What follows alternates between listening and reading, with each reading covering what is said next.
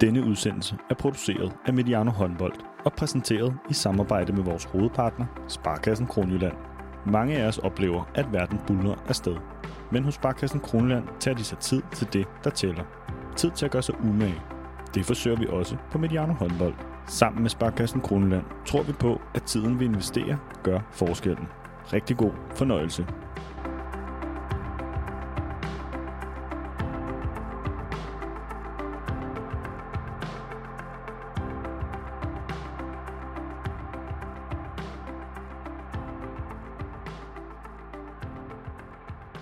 Hold nu op. Langsets Arena er simpelthen for vild. En garant for drama, fest og også en smule tragedie. Velkommen til Mediano Håndbold. Jeg hedder Thomas Ladegaard, og jeg er værter redaktør her på kanalen. Søndag sker det igen. Kl. 17.45 spiller Danmark EM-finale mod Frankrig. Det kan næsten kun blive voldsomt. En gang til. En gentagelse af VM-finalen fra sidste år. En gentagelse af de sidste to OL-finaler – og også af den seneste EM-finale, som Danmark har været med i, nemlig for 10 år siden. Det bliver et næsten legendarisk finaleopgør. Det skal vi øh, se frem til i den her udsendelse.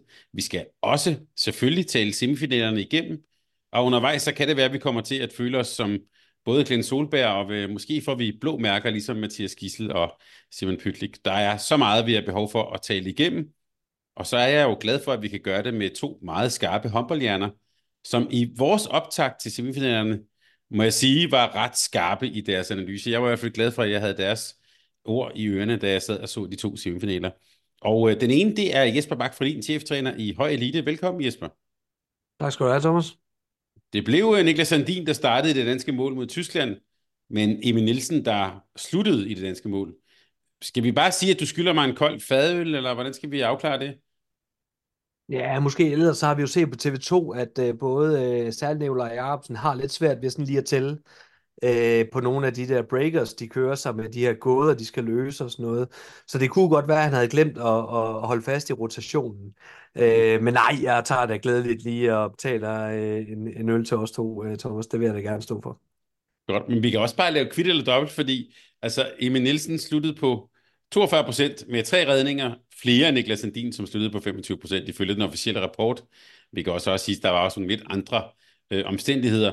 Så lad mig spørge dig på en anden måde, så hvem starter så i det danske mål til EM-finalen? Ja, men sjovt, jeg skulle til at spørge dig om det samme. men der er jo så, så, det gode er 50-50, så selv, selv en blind høne som mig kan jo vinde sådan noget. Ja, det bliver i hvert fald ikke Mikkel Hansen, så meget kan vi sige. øh, nej, altså jeg synes jo, øh, Emil Nielsen har jo, har jo gjort det helt fantastisk. Men et eller andet øh, fortæller mig, at man holder fast i, øh, i øh, de ting, øh, der virker, og også øh, så er det Niklas Landin, vi taler om. Det er ikke bare en hvilken som helst målmand. Han er en, øh, en helt fantastisk målmand, og synes jeg er stadigvæk øh, verdens bedste målmand, sammen med Emil Nielsen øh, synes jeg godt, man kan sige, at han er kommet med op på den øh, hylde. Øh, så jeg tror, at, øh, at det bliver Niklas Landin, der starter en gang til. Og så øh, kunne jeg da godt forestille mig, at Emil Nielsen, han kom ind og gjorde Emil Nielsen ting. Øh, og øh, det virker som om, at han har det øh, rigtig, rigtig godt i den rolle der. Og jeg tror egentlig, at, øh, at Danmark vil have det bedst med, at det var Niklas, der startede en gang til. Og det, det vil jeg faktisk sige, det kommer vi så ikke til at, at lave kvildt op om, for det tror jeg faktisk også. Øhm, men at, Jamen, så tager jeg Emil Nielsen. I, men i hvert fald kan vi så sige, at hvad, hvad, hvad der sådan er meget tydeligt, både når man kigger i hallen, men også sådan rundt på sociale medier, så det er, altså Emil Nielsen, han er jo blevet den nye folkelige held. Altså for os, der har fuldt håndbold i mange år, vi kender ham godt, men nu, nu tror jeg også, han kommer til at opleve det der med at, om man så siger, komme ud til hele Danmark. Han er jo svær ikke at holde af. Lad os lige blive enige om det. Han, ja. han, øh, altså, han står der, som om han ikke rigtig ved, hvor han er henne. Altså, og bare lige har fået lov til at være med, og så gør, står han så fantastisk øh, på mål. Så jeg tror da ikke, der er nogen, øh, i hvert fald i Danmark, og nok også øh, i store dele af Europa, måske ikke lige i Tyskland lige i øjeblikket, men øh, som, øh, som ikke øh, holder af Emil Nielsen. Øh, han er da fornøjelig. Hans første aktion i øvrigt var sjovt, da han kom ind der, hvor han jo så, øh, jeg ved ikke, altså i hvert fald siger til dommeren, at han rørte den med fingerspidserne. øhm, og at det, for at være helt ærlig, det kunne jeg altså ikke rigtig se, men det, det gjorde den måske nok, men måske, øh, tror jeg, du har ret i, bare han sådan, hans væsen er jo Men han, kan jo, altså, han er jo sød, så selvfølgelig har han ret, så vi dømmer målkast. Ja, der må jeg sige, at han, han rørte den jo med fingrene, men det tror jeg altså ikke, der var nogen, der så i første omgang, udover at han selv kunne mærke det. Øh, så den var god nok. Øh, jeg kunne ikke forestille mig i den verden, at Emil Nielsen han ville lyve om sådan en situation. Så, så bringer vi lige en anden ting, vi drøftede i vores øh, semifinale optag. Den kan vi lige bringe videre til vores anden gæst, som nemlig er Rasmus Vandbæk, cheftræner i Sønderjyske Herrenbold. Velkommen, Rasmus. Tak, Thomas. Og i vores optag, der talte vi også om, at Henrik Mølgaard, han burde være manden i det danske midterforsvar, men det blev stort set hele kampen Simon Hall. Og det, jeg, jeg tænker jo lidt på ham som, han er typen, der ikke, simpelthen ikke har en kinamands chance for at blive kåret til man of the match i sådan en semifinale. Men hvis jeg nu spørger dig, Rasmus, var han så, i hvert fald for dig, tæt på at være man of the match for Danmark i den semifinal? Altså, jeg tror, jeg vil starte med at sige det sådan, at, at man bliver jo, øh, i sådan noget statistik og sådan noget, der bliver man jo aldrig belønnet for godt forsvarsspil. Øhm, og øh, der var, jeg synes i hvert fald, at Hal, han, øh, han leverede en rigtig, rigtig flot øh, præstation derinde, og var også med til at, at få stabiliseret øh, vores forsvar, og det hjælper selvfølgelig også, når Emil har redninger, men så, så på den måde, og så synes jeg jo, han krydrede den øh, med øh, utrolig øh, sikkerhed op i den, i den anden ende, så det på den måde... øh, øh, kunne han jo godt øh, tangere til at blive, øh, blive man, of the, man of the match. Jeg synes så måske, den faldt rigtig nok øh, til Emil, øh, eller burde have faldet til Emil. Uh, men, men det er klart, at øh, Simon Hall han øh, var inde og gøre en, øh, en markant figur, og, øh, og kunne egentlig også stå imod den fysik, som vi, øh, som vi jo troede ville komme og snakkede om øh, ville komme, og hvor vi jo egentlig begge to øh, tænkte, at Mølgaards øh, håndboldforståelse øh, og hans bevægelse måske var rigtig god, jamen så, øh, så har Nikolaj jo, øh, så, så det, ser det ud til, at jo læst fuldstændig rigtigt, og, øh, og jeg synes, han gjorde det godt halv. Det skal vi øh, vende tilbage til, og også se, hvem der så øh, kan vi sige, kan klare sig i et matchup mod, øh, mod Frankrig. Det vender vi stærkt tilbage til. Alle de her udsendelser, de er bragt i samarbejde med Sparkassen Kroneland. Vi er virkelig stolte over, at de også er med os her i 2024. Det giver os mulighed for at gå fuldstændig max mediano på en EM-slutrunde, så send dem en tanke, hvis du tænker på at skifte bank eller står over for en større beslutning. Vi skal tale meget mere Danmark senere i udsendelsen, og vi skal tale som sagt om matchuppet mod Frankrig. Men først så skal vi lige høre en optagelse fra EHF fredag aften i København.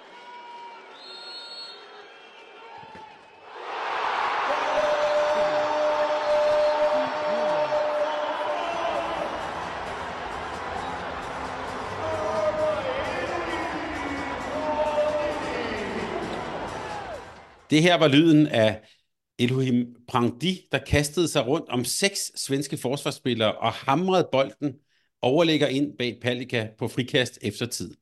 Et helt igennem sublim skud, hvor Prandi kaster næsten hele sin krop ind i sådan en rotation, som sendte kuglen op under overlæggeren bag Palika. Prandi kaldte bagefter til Dansk TV2 sit skud for en genialitet. Jeg kom til at tænke på Diego Maradonas Guds hånd i 1986. I Sverige, der kalder de Prandis mål for en skamplet for håndbolden. Og jeg bemærkede, at i danske studie efter kampen, der var Claus Møller mere end rasende i hans rustrøde, dobbeltrejede jakke. Og vi vidste alle sammen, at Bent Nygaard med det samme ville kalde den, øh, øh, den, øh, den kendelse, eller i hvert fald ville gøre opmærksom på, øh, på Prandis venstre fod. Studievært Morten Ankerdal, han gjorde senere på aftenen opmærksom på, at det makedonske dommerpar Nikolov og Natchevski, de var også var blandt navnene i Sportradars store rapport om matchfixing, hvor det jo handlede om dommere, der i særlig grad sikrede uafgjorte kampe. Og så lød han den lige hænge lidt der. Så øhm, selvom vi helst vil tale om spillet og om de to forrygende semifinaler, så øh, er det her sådan elefanten i rummet, vi skal tale om. Så lad os lige tage en runde med jer to nu her. Jesper, jeg bemærkede, at du på Facebook skrev noget, som jeg sad og, og tænkte og sagde i stuen, hvor jeg så kampen, nemlig at scoringen skulle ikke være anerkendt, men det stadigvæk var et vanvittigt skud på et frikast efter tid. Hvad tænker du sådan her et, øh, lidt under et døgn efter?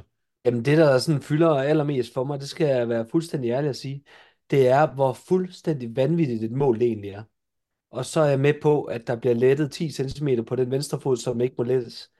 Men det er en fuldstændig sindssygt skud øh, på en frikastsituation med en mur, kan ikke se målet.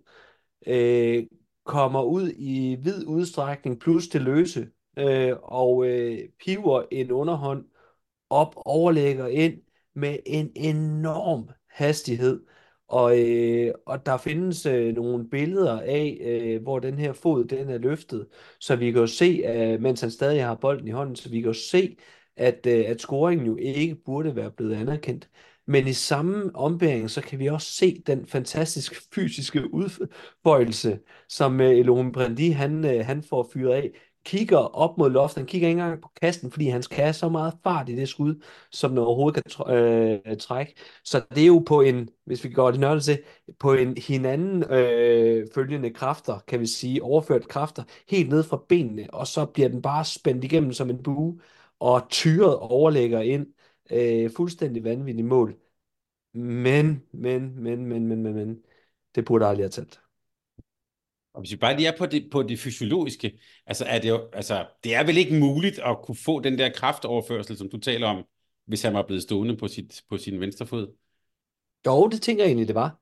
Øh, okay. det, det, det ville det godt have været, men det havde ikke været muligt at skyde den forbi muren og klaske den overlægger ind øh, helt op i krydset. Øh, det, det, det tror jeg ikke havde været muligt. Øh, og så kan man så diskutere, jamen, bliver foden lettet opad, eller bliver den lettet udad mod siden, så han kommer længere ud. Øh, det skal jeg ikke gøre mig til, øh, til herre over. Men, øh, men at få, få så meget power i skud, det tror jeg egentlig som sådan godt, øh, man vil kunne. For det er jo på, øh, på, på hinanden følgende kraft, der starter helt ned, og så nærmest bliver øh, slynget afsted som, øh, som, som en slangebøsse, eller hvad vi skal kalde det. Øh, så det, det tænker jeg egentlig godt. Rasmus, øh, dine tanker sådan her under et døgn efter, hvor vi optager, hvad, ja, hvordan tænker du på den situation? Jamen, jeg ved ikke, om vi først lige skal, fordi at det var, så alle er ligesom er med, så kan man sige, det der er med det, det er jo, at du må ikke første løfte øh, højre ben, for derefter at løfte øh, venstre ben, fordi øh, på de billeder, man ser, jamen, så er, og det er jo også det, Prandi han griner af efter, det er, jamen, jeg har jo højre fod øh, nede øh, i det, jeg skyder, og øh, der kan man jo så sige, at øh, det er også fuldstændig rigtigt, du har det, men du har desværre startet med at løfte dit højre ben, for så derefter at sætte det i jorden, og så løfte dit venstre ben, og det er det, man ikke må. Altså man må kun løfte den ene fod, og når du har valgt en fod, så må du dermed ikke øh, løfte den anden. Øh, noget jeg også sådan synes er lidt sjovt, når jeg nu har set det et par gange, altså man kan se, hvordan Jim Godfredsen, han nærmest forsøger at skubbe Hampus Vanne øh, ind i, øh, i boldens bane, hvor at øh, Hampus i hvert fald ikke gør sig lige så bred, som øh, Jim Godfredsen godt kunne, øh, øh, mm. godt kunne tænke sig. Øh, og Palika, han ser den jo alt for sent, så han når jo heller ikke at komme over og stå med hele kroppen, og så havde det lidt ligesom, øh, ligesom Jesper, at øh, wow, øh, et mål øh, med så meget kraft. Øh, men igen, øh, jeg begriber ikke, og det har vi jo hørt rigtig mange gange, og vi har læst rigtig mange, men jeg begriber ikke, når vi nu har de her teknologiske muligheder, i så afgørende en moment, at man ikke bare tillader sig selv at være en lille smule usikker. Fordi reglen foreskriver jo, at hvis du er helt sikker på, at han ikke løfter foden, så skal de ikke gå ud og kigge. Men jeg tror bare, uanset hvad, så tror jeg lige, jeg var gået ud og kigge. Altså selvom jeg næsten var øh, 100%, eller følte jeg var 100% sikker, så tror jeg lige, jeg var gået ud og, øh, og kigge på den. Og det er jo også det, vi ser, når der bliver øh, øh, skudt øh, mod mål, og de er i tvivl, er der mål, er der ikke mål? På, øh, på, og så, så er det jo blevet lidt kutumen, at, at hvis der bare er 2% altså der er jo mange gange, hvor bolden er langt inde, hvor de jo stadigvæk går ud og ser, så der er det jo sådan lidt blevet, blevet new normal, at, øh, at der kigger vi alle situationer igennem. Øh, og, og den her situation er jo så øh, vanvittigt vigtig. Den kan jo aldrig blive mere vigtig, end, øh, end om det her mål, det skal, det skal tælle eller ikke skal tælle. Så jeg er jo helt på linje med, at selvfølgelig skal den der tjekkes igennem, og så kan man øh, juble eller æve sig bagefter. Øh, det tager lidt af charmen øh, omkring øh, sådan en øh, power-afgørelse, men det vigtigste er jo, at vi, øh, vi får den rigtige kendelse, og vi får det rigtige hold i finalen. Øh, og, det, øh, og det fik vi øh, desværre ikke her. Men, øh, men, men stadigvæk, jeg er helt blown away. Altså, jeg råbte og skreg fem minutter hjemme i stuen. Altså, jeg, jeg øh, stod op, jeg gik rundt i stuen, jeg altså, var helt andet. Og jeg så ikke i første ombæring, at han løftede foden, så jeg kan jo godt forstå, at der var, øh, der, der var tvivl, eller, eller det ikke var første øh, sådan antagelse. Men alligevel, så er jeg jo helt på linje med, selvfølgelig skal den kigges igennem.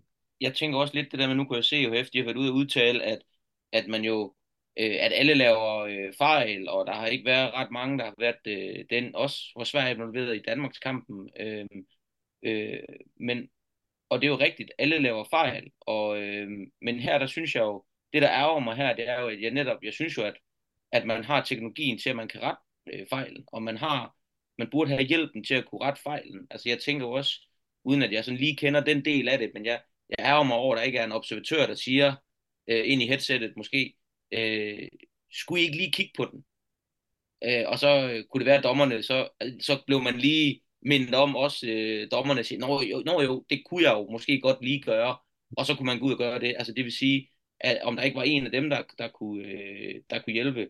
Øh, jeg skal blankt erkende, jeg ved ikke helt, hvordan det foregår på det internationale niveau, men i Danmark øh, har observatøren jo også en, en, øh, et samspil med, øh, med dommerne, så, så øh, der kunne man i hvert fald godt forestille sig, at en observatør har sagt, måske lige skulle øh, kigge på den her situation. Øhm, der, der vil jeg blankt erkende, det ved jeg ikke, hvordan det foregår, men så kunne det jo være en læring, EHF kunne tage med, at dem, der sad ved dommerbordet, de havde den mulighed for at kommunikere med dommerne via headset, for eksempel.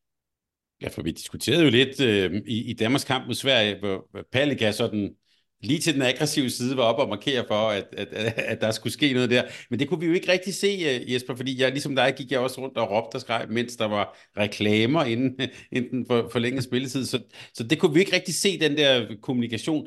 Jeg, jeg læste dog situationen lidt som om, at svenskerne sådan nærmest blev sådan lidt opgivende der. Det kunne man jo så i øvrigt også se i den forlængede spilletid. Altså, at det var en grov uretfærdighed, der var overgået dem, og så, ja, så var, altså, de så sådan meget nedslået ud bagefter der. Hvordan så du det, Jesper? Jamen, jeg så ikke et svensk hold, der i hvert fald er over og, og, og brokke sig over, øh, at øh, frikastet blev, øh, blev afviklet øh, uregelmæssigt. Øh, så det tror jeg faktisk heller ikke, de som sådan havde set. Og det, jeg tror jo egentlig bare mere, at det var, øh, at de var i chok over, at, øh, at Lohim Premdi, han, han smækkede sådan en bold ind i kassen der, når nu de stod med næsten begge ben i, øh, i finalen på, på det tidspunkt. Jeg kunne også se øh, et videoklip af Mark Stey, der over at give øh, stolpen, som øh, Brandi han øh, skød over ved. En, en kærlig omgang, øh, som, som var det en, øh, en fransk angrebsspiller, der kom ind til ham. Den, øh, så det var jo mere frustration over, at de scorede frem for, at, øh, at frikastet ikke skulle have, øh, have, have talt, kan man sige. Øhm, jeg tror så også, at frustrationerne jo også ligger lidt i, at de føler sig bortdømt på to øh, øh, kendelser, eller en kendelse og en manglende kendelse øh, for inden. Så, øh, så den svenske lejr føler jo, at, øh, at, at alt gik imod dem øh, de sidste øh, minuts tid øh, halvanden minut af, af den her semifinale. Og jeg tror mere, det er jo det, der fyldte frem for, øh, at, øh, at frikastet blev afviklet forkert.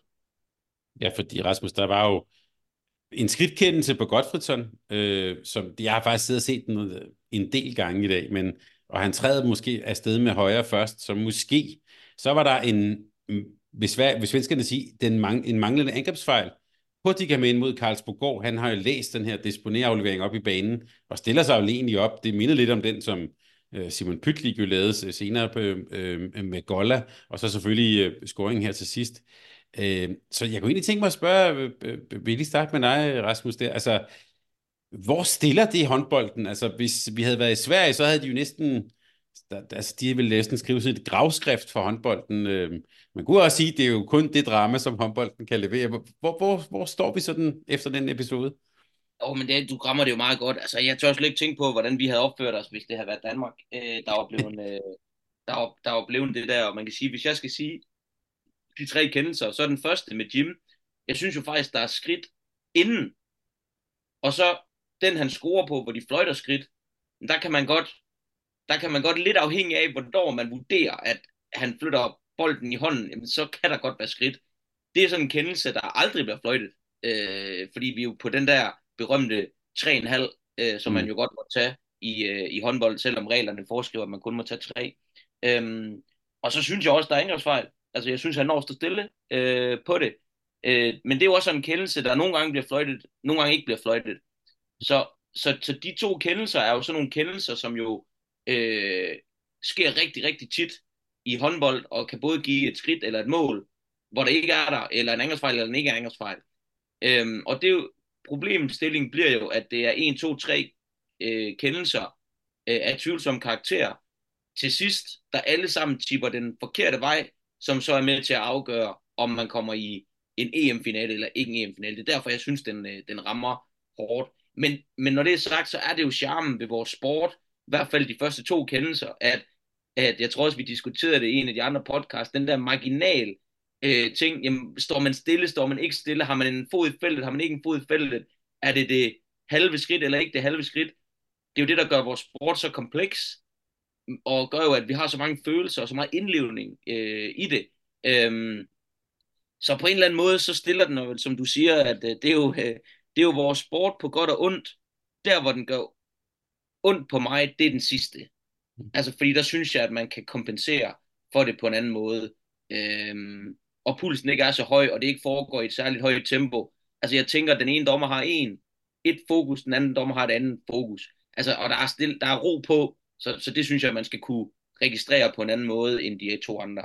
Så øh, ja, det var sgu lidt meget, Thomas, men altså, hvor stiller det os? Det stiller os jo, at vi har en fantastisk sport, fordi det gør, at vi kan diskutere en masse, og få lov til at diskutere nogle sindssyge ting der gang God point. Jeg synes jo, du er inde på det, på det helt rigtige, Vandbæk, omkring det her med, at man har muligheden til slut for at gå ud og sætte igennem. Det har du ikke på det her skridt øh, show øh, og, og det her angrebsfejlsshow. Øh, det, det har vi jo ikke længere. Vi øh, havde øh, et meget kortvarigt challenge-system øh, i øh, dansk håndbold, hvor vi var testkaniner på, øh, på at man kunne challenge øh, noget. Og der kan jeg huske, at der var det godt nok vanskeligt for dommerne også at kigge på de langsomme gengivelser. Jeg har også set den her øh, skridtkendelse øh, en del gange efterhånden, og jeg er stadigvæk lidt usikker på, hvad jeg egentlig synes. Og det udstiller jo netop de tre store problematikker, som vi jo har på regelsættet i, i håndbolden i øjeblikket. Det er det her halve skridt. Det er tre et halvt skridt. Jamen, hvad fanden er et halvt skridt? Undskyld mig. Altså, det, det er, det er svært. Øh, og det er det også i langsom gengivelse.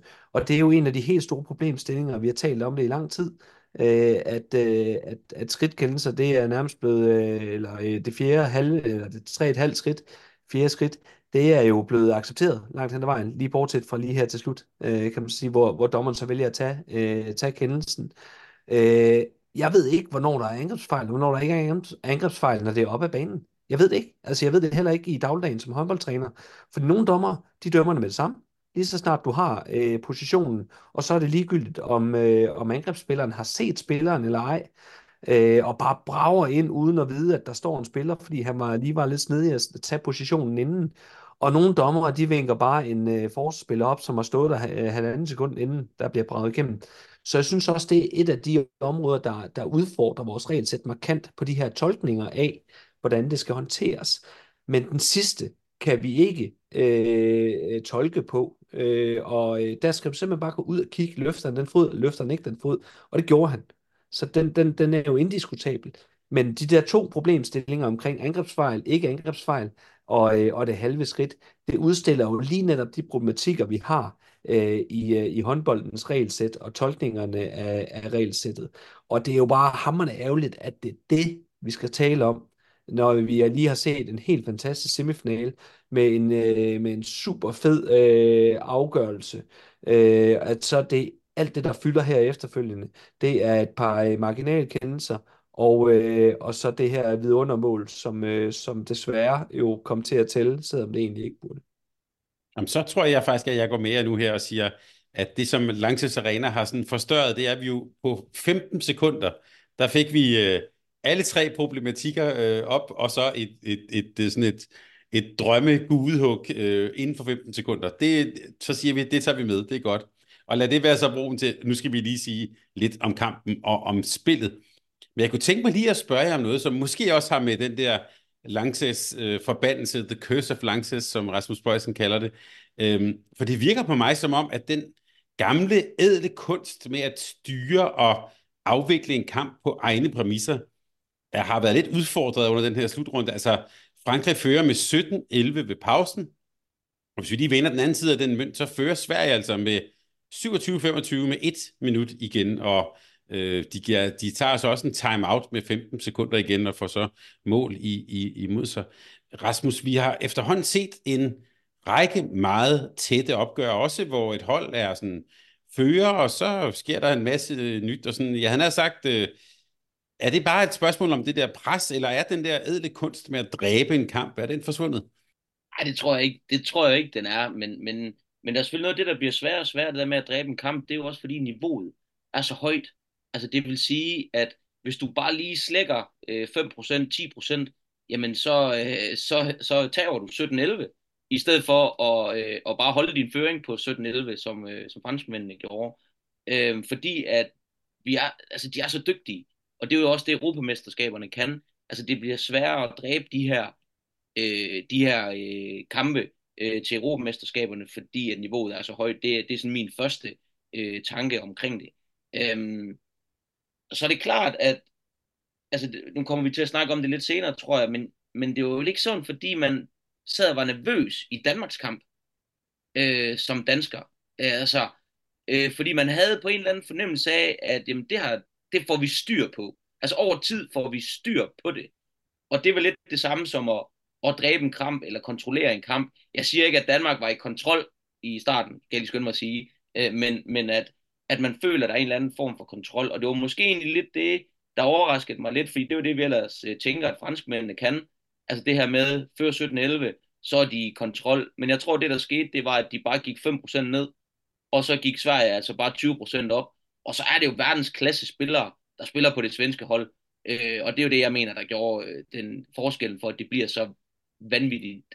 Det er super sjovt, det, Rasmus. Det, skal, det vender vi tilbage til. Jeg får bare lyst til at sige, at jeg sad i et selskab med, vi var otte i alt, øh, og jeg, og pludselig var en, der råbte over til mig, hvordan kan du være så rolig? Jeg havde det på samme måde som dig. Der, jeg var sådan ret rolig i, i løbet af den. Øh, det kan godt være, at jeg ikke er det under finalen her. Jesper, øh, spillemæssigt, øh, ja, hvad var det egentlig for, øh, for en kamp? Og så får jeg lyst til at lave et underspørgsmål, der bare hedder, sige noget om Felix Klar, men, men øh, ja, hvad var det for en kamp? Jamen, jeg synes egentlig til at starte med, så, øh, så var det jo et fransk hold, der var i tæten, men mest af alt på grund af deres øh, vanvittigt dygtige kontraspil, hvor Sverige ikke fik afviklet deres, øh, deres angreb super godt, og, og Frankrig havde lidt nemt ved at komme til, øh, til sin mål. Øh, og, øh, og der sad jeg jo lidt og tænkte på også den optag, sådan jeg lavede omkring, at, øh, at Sverige skulle have, hvis de skulle vinde den her kamp her, så skulle de jo have styr i defensiven. De skulle øh, kunne modstå det her øh, tryk og, og den her power, som det franske hold jo, jo kommer og mønstre, øh, som, som nærmest øh, ikke nogen andre kan, øh, rent offensivt. Men hvis de aldrig kommer ned og stå, så var det jo en udfordring, hvis, hvis det er, at franskmændene laver for mange mål, hvor, hvor Sverige er en lille smule uorganiseret. Øh, så, så der synes jeg jo, at, at franskmændene var vanvittigt dygtige, og det øh, kommer vi jo nok også til at blive voldsomt udfordret på i, i finalen. Øh, det er der ikke nogen tvivl om. Øh, de løber rigtig, rigtig godt, og de løber med, med, med enorm fysik og power. Så, øh, så, så der, der tænker jeg godt nok, uh, der er lang vej hjem, øh, fordi at, øh, at jeg synes jo Sverige havde lidt svært ved sådan at, at komme i gang for alvor. Men, øh, men ellers så, øh, så, får, øh, så får Sverige jo stabiliseret øh, først og fremmest deres offensiv, øh, Øh, og, øh, og Sverige har, eller Frankrig har lidt sværere ved at løbe de her kontra, som de havde tidligere. Og så kommer de netop ned at stå og får langt bedre styr på, øh, på den franske offensiv. Jeg synes midterblokken, som vi talte om i vores optakt, får rigtig, rigtig godt styr på deres, øh, deres dueller. Og så øh, selvfølgelig Andreas Palika, som jo øh, går ind og laver Andreas Palika-ting, som vi også netop talte om, var en af nøglerne. Øh, og alt det gjorde jo, at, øh, at der gik øh, lidt mudder i den, øh, i den franske maskine, og øh, det har vi set før. Det har vi set før i den her slutrunde, at Frankrig kan spille noget fantastisk håndbold og komme øh, foran og være øh, flere niveauer over deres modstandere, men så har lidt havde en tendens til at lukke, øh, lukke modstanderne ind igen. Og jeg synes faktisk, det var det samme billede, vi så i semifinalen. Så det der med, det er også noget, vi jo taler om, når vi laver podcast på kvindesiden, det der med, at du på en eller anden måde, du får altid chancen mod Frankrig. Det var, der var svenskerne så bare gode til at gribe den. Ja, det var de afgjort, og netop som du selv var inde på, øh, Felix Klar, der for alvor øh, gik forrest for, øh, for den svenske offensiv, spiller vel den bedste øh, landskamp, jeg har set ham spille øh, for, øh, for Sverige.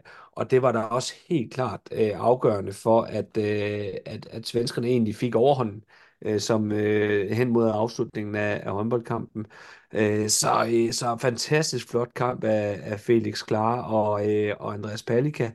Øh, og så øh, vil jeg kalde, øh, kalde hele den svenske øh, fire blok i defensiven, særligt træerne, øh, på skift, der, øh, der virkelig fik øh, justeret tingene til og adapteret den her franske fysik, der kom ind og fik øh, stået imod på, på, på meget, meget øh, flot vis. Ja, fordi Rasmus, jeg har jo egentlig forberedt et spørgsmål, der, der skulle gå lidt i retning af, hvad afgjorde kampen?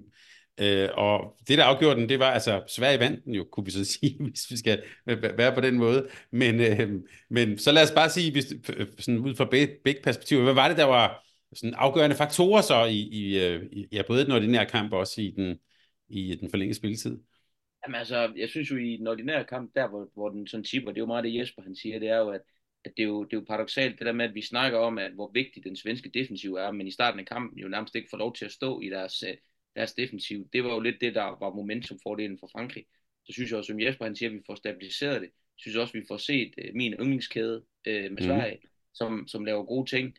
Uh, jeg synes jo også, at uh, selvom når man kigger på statistikkerne og sådan noget igen, så er det jo ikke der, at Jim Godfredsen spiller en god kamp, men, men, men vi skal bare huske kreditten til, øh, til, øh, til Godfredsen også i form af den her afleveringsteknik, som vi snakkede om, men også i scenesæt øh, Felix Klar og så skal vi selvfølgelig rose Felix Klar for at lave Felix Klar ting øh, i, øh, i den kamp der.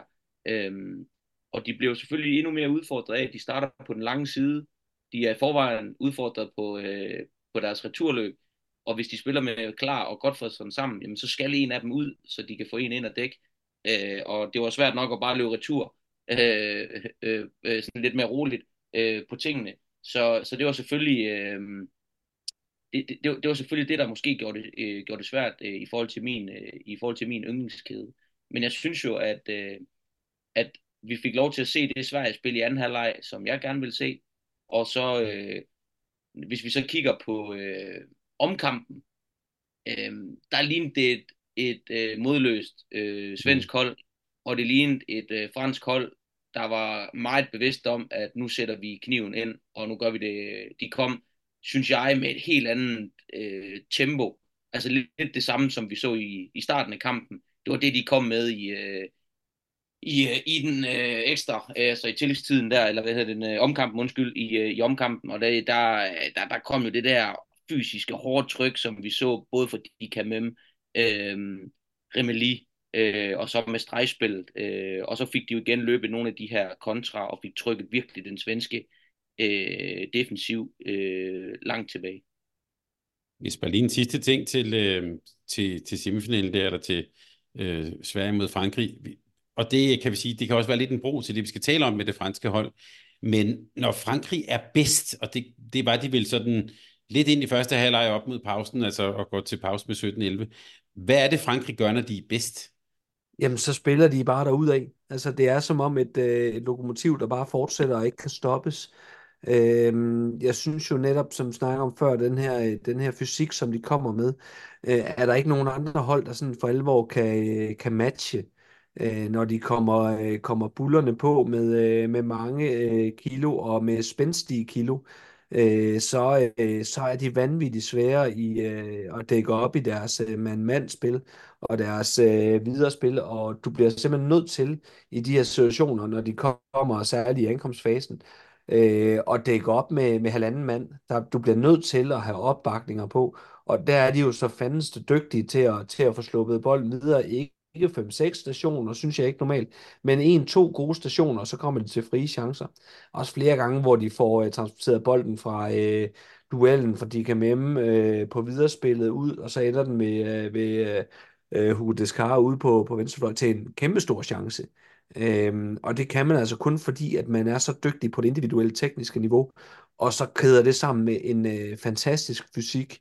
Det er, det er det, vi roser de kan Mem for øh, rigtig meget, og han er jo indbegrebet af, af, af det her, når Frankrig øh, spiller godt, og de bare kører på.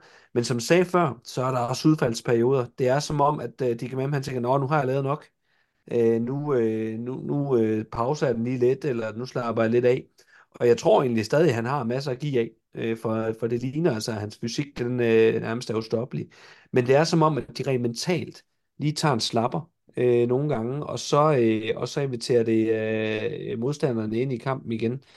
Og lige for at knytte en kommentar til det her med det mentale, det var i den grad også øh, en kamp i, øh, i, i den forlængede tid, eller ekstra tid, mm. øh, for Sverige kunne man se. De var jo øh, mentalt banket sønder sammen øh, ovenpå den, øh, den afgørelse, og den mentale modstandsdygtighed øh, var, var i den grad udfordret. Og det, det tror jeg måske nærmere var, var det, der afgjorde det frem for alt muligt andet. Så var det, øh, så var det øh, det mentale spil omkring øh, Frankrig, der havde medvind, og, og Sverige, der i den grad følte sig snydt. Også noget af det, øh, noget af det jeg også lå mærke til, især i første halvleg, hvor Frankrig var gode, det var også, hvordan Karabatis, han egentlig drev den der kontrafase øh, op igennem midten, hvor, øh, som Jesper siger, så ender vi med den der venstre hånd, der kommer egentlig over på venstre bak på den, altså på den forkerte side og kan ligge og spille. Men jeg synes jo også, det var noget af det, der var forskellen fra, fra første halvleg til anden halvleg, hvordan Karabatis han sådan drev den der øh, kontrafase øh, igennem op i midten. Øh, jeg mener også, han trækker, det må jeg ikke lige hænge op på, men, men i hvert fald et eller to straffe i, i anden fasen der i første halvleg.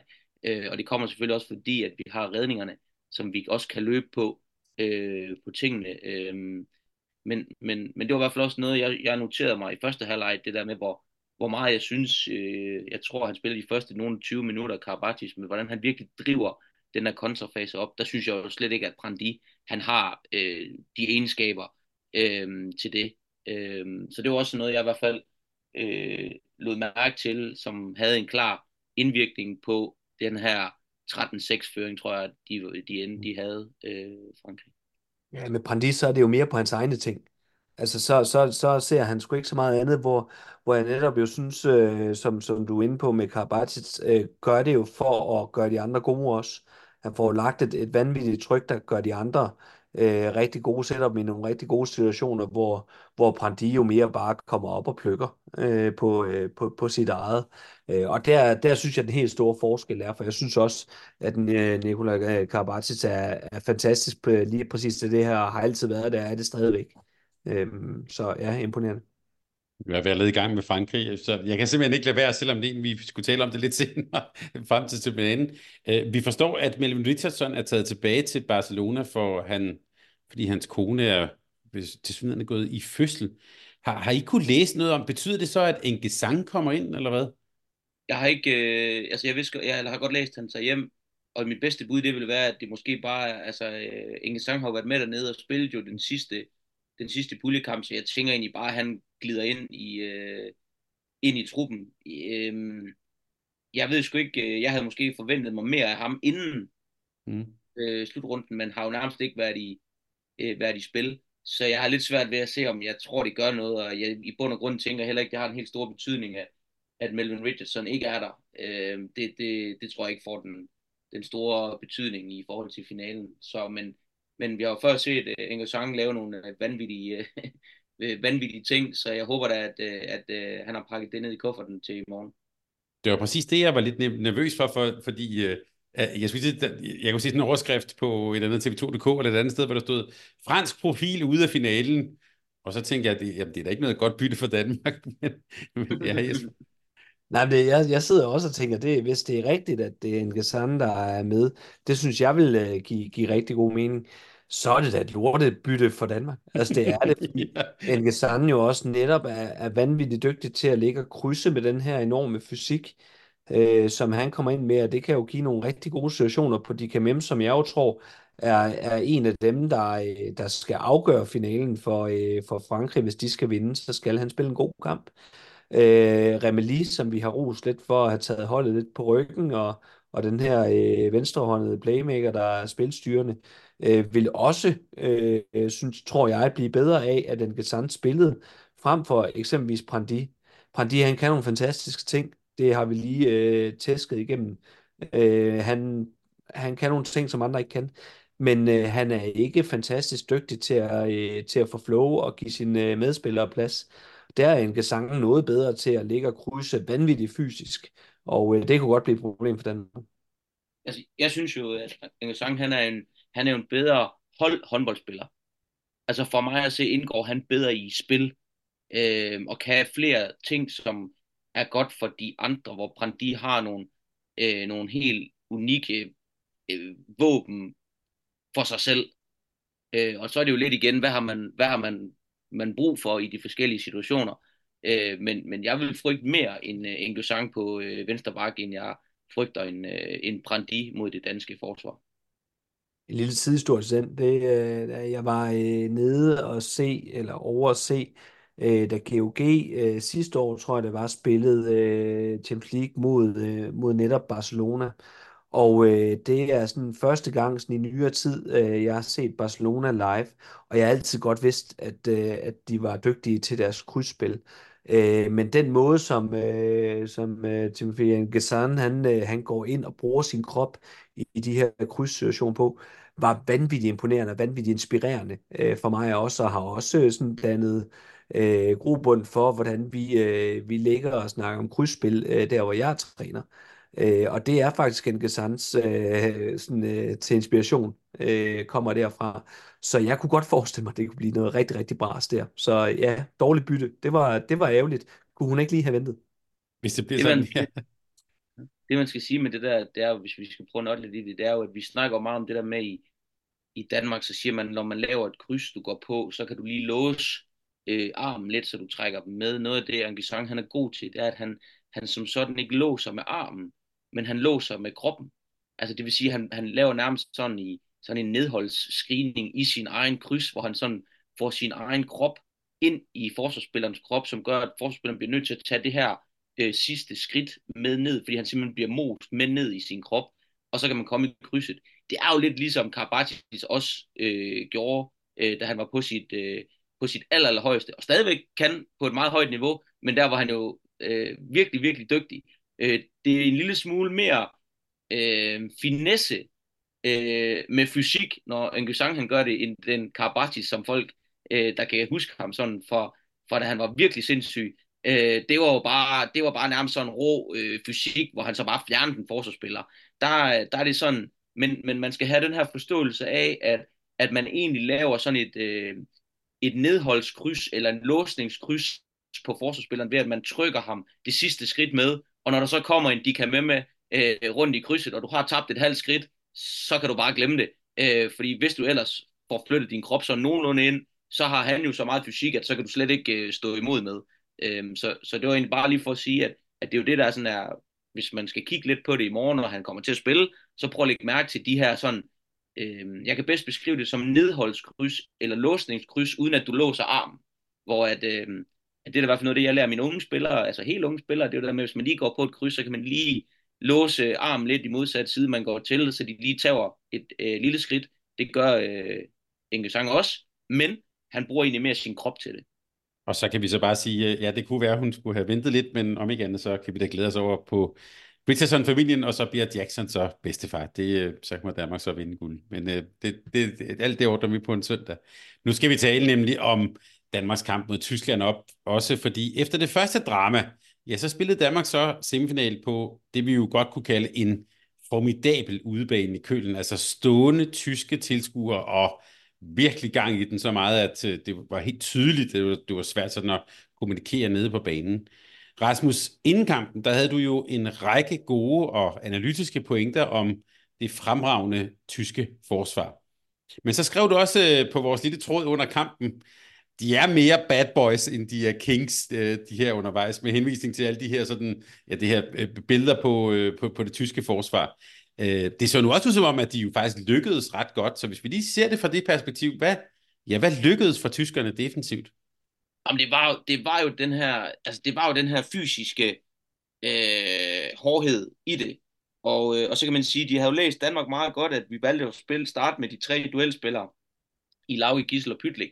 Så det blev bare et individuelt duelspil. Og, øh, og der kan man sige, der fik tyskerne jo egentlig lagt den her hårdhed, den her fysik ind i tingene. Og det, som jeg nu har nok har sagt øh, ret mange gange i de her podcast, altså den her aggressiv øh, stil i det 6-0 forsvar, uden at det bliver sådan offensivt øh, mindsetet, så bliver det den her aggressiv stil. Og der, øh, der synes jeg jo egentlig, at, at det var, øh, at vi gjorde det svært for os selv, fordi de kunne egentlig sådan ret nemt øh, dele det af. Så det var egentlig et spørgsmål om, men kan vi vinde øh, vores egen dueller øh, mand mod mand? Og øh, der synes jeg, de var gode til at, at ramme den her timing i deres aggressive forsvarsspil. Og så fik de jo lov til at spille med en masse fysik. Mm. Øh, og øh, det var til, det havde vi også snakket om, det var ikke nødvendigvis til Danmarks fordel, hvis vi måtte spille med, med så voldsom øh, fysik, som øh, det var, der blev tilladt i kampen. Jeg synes faktisk ikke, at det blev for meget? For det kunne være dit næste spørgsmål. Der var nogle ting gang imellem, hvor jeg var lidt i tvivl om vores øh, døb vi ham med He-Man i stedet for, mm. øh, om, om det var judo. Øh, han var tæt på Simon Pytlik. Øh, det var for noget, jeg har set min datter lave til, øh, til nogle, øh, til nogle judo-turneringer. Øh, noget af det, han lavede der.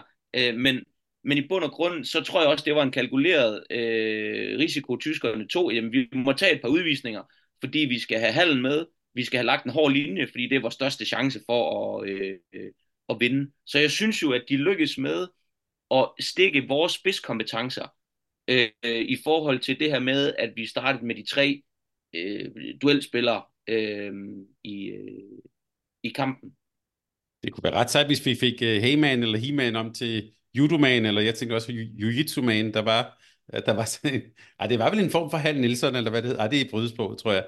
Øhm, men Jesper, vi kunne også høre fra, fra pressemødet i dag, at øhm, altså Pytlik og Gissel, øh, der var blå mærker, og det gjorde ondt, og Kohlbakker sørgede så selvfølgelig også lige for at lægge sig oven på Gissel og sådan noget.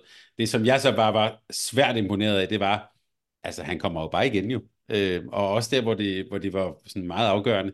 Altså hvis du lige, sådan, hvis du lige ser det fra Gissel og Pytliks perspektiv, deres præstation og den kamp, de spillede, hvordan så du det? Jamen, det er sgu nogle seje gutter. Det er der ikke nogen tvivl om. Øh, imponerende, at de jo bare rejser sig op og, og knokler videre. Der er rigtig, rigtig, rigtig mange, øh, der vil være blevet kyste i, i de her situationer. Og det er jo klart det, som, som det tyske forsvar forsøger at gøre i starten. Det er jo stadig nogle unge drenge. Både Mathias Gissel, som jo efterhånden har været med i nogle år, så er han jo stadigvæk en, en, en, en ret ung spiller. Simon Pytlik, øh, det samme her det er da klart, de forsøger at komme ind i hovederne på dem og, øh, og, og takle dem ekstra hårdt. Og som du selv er inde på, så er det da ikke for sjov, at Kohlbakker lige kaster sin kilo ekstra ned på, øh, på Mathias Gissel, hvis han kan komme afsted med det. Og at, øh, og at He-Man lige skal svinge øh, pytlik om øh, efter at have tabt duellen. Det er, det er da ikke noget, de, øh, de bare lige kommer til, tror jeg ikke. Jeg tror, at det var, det var med på, øh, på gameplanen fra starten af. Øhm, men som vi var inde på, og som Rasmus øh, lige igen øh, pointerede, så, øh, så, så har det været en dommerlinje til den her slutrunde, som har tilladt mere, end, end vi har set tidligere. Og det var bestemt ikke til Danmarks fordel. Det var øh, Tysklands øh, mulighed og chance. Så i stedet for, at vi skal være sure øh, over, at Tyskland dækkede hårdt op, og, og, og måske var til, øh, til, til den lidt grove side øh, på aggressiviteten, øh, så, så synes jeg jo egentlig bare, at de spillede deres mulighed. Og, øh, og langt hen ad vejen, synes jeg som sådan ikke, det var svinsk. Det var bare vanvittigt hårdt øh, forsvarsspil. Og det kan jeg jo et eller andet sted rigtig godt lide. Så, øh, og jeg tænker også, at, øh, at Sønderjyske træneren måske også synes, at det var, det var helt okay. Øhm, men, men min største gåde, det er jo så, hvordan vi ender på 4-4 i udvisninger i, i den her kamp, hvor jeg jo synes, at Tyskland dækkede markant hårdere op. Øh, og jeg tænkte også der i starten, da, da jeg tror, det er Mathias Gis, der, der bliver, bliver hugget godt ned, øh, og så kommer der lige sådan en, en lille fæsende advarsel til, øh, mm. til, øh, til det tyske forsvar. Jeg tror, det var Golla eller sådan noget, øh, der fik den. Jeg tænker også, okay, det her, det bliver vildt. Det bliver, det bliver en vild kamp, ja. Det er det, man så. kalder sådan en italiensk advarsel. Det er sådan, der kommer sådan lidt listen op. Ja, kom lige sådan en op, du får lige en, og har bare møbleret fuldstændig op med lemmerne på, øh, på, på gissel. Så, så nej, det var, deres, øh, det var deres mulighed. Jeg synes, de spillede deres chance til fulde. Og øh, som du selv var inde på, øh, Thomas, så en fuldstændig fantastisk hjemmebane. Øh, nøj, hvor øh, er det fedt. Altså, øh, det, man kan jo Mm, nok desværre ikke helt mærke det ud i stuerne, hvor vanvittigt det egentlig er. Nu har jeg haft fornøjelsen af at være i Landsex Arena en del gange efterhånden, men det har været til øh, Final Four i Champions League, som øh, er øh, brydet med nogle fede fangrupper i hver sit hjørne af hallen. Men så er der en masse neutrale tilskuere, som bare elsker håndbold og kommer ned for at se håndbold. Her er det altså 20.000, øh, der, der holder... Øh, ej, der var mange, der holdt med Danmark også. Det skal jeg lige, øh, det skal jeg lige huske at sige, og, og også, det skal man også lige huske at rose øh, danskerne for at komme ned og give god opbakning. Men, men her er det jo... Altså, der er virkelig tryk på kedlerne her, og det er virkelig en fornøjelse for, øh, for håndbolden øh, og, øh, og kunne, kunne mønstre så, så, så fedt et produkt, som, øh, som vi havde der. Så jeg gad godt have været der. Det må jeg sige. Det har nok været den fedeste kamp, jeg nogensinde havde set, hvis jeg havde været der live. Rasmus, øh, jeg, jeg talte jo i vores optag til semifinalen om det smukke mod det grimme. Hvordan så du det tyske spil? jeg synes, det var vildt smukt. Øh, ej, øh, spøjt til side. Altså, øh, nej, men jeg synes jo, jeg synes jo, det fik det, det, det skulle. Altså, det, øh, igen, det var den linje, der blev lagt, og når, hvis det er den linje, der bliver lagt, så må man jo følge den. Og jeg havde det lidt ligesom Fred. Jeg synes ikke, at, øh, jeg synes ikke, at det var... Jeg, jeg synes, der var nogle enkelte, der var tangeret det svinske.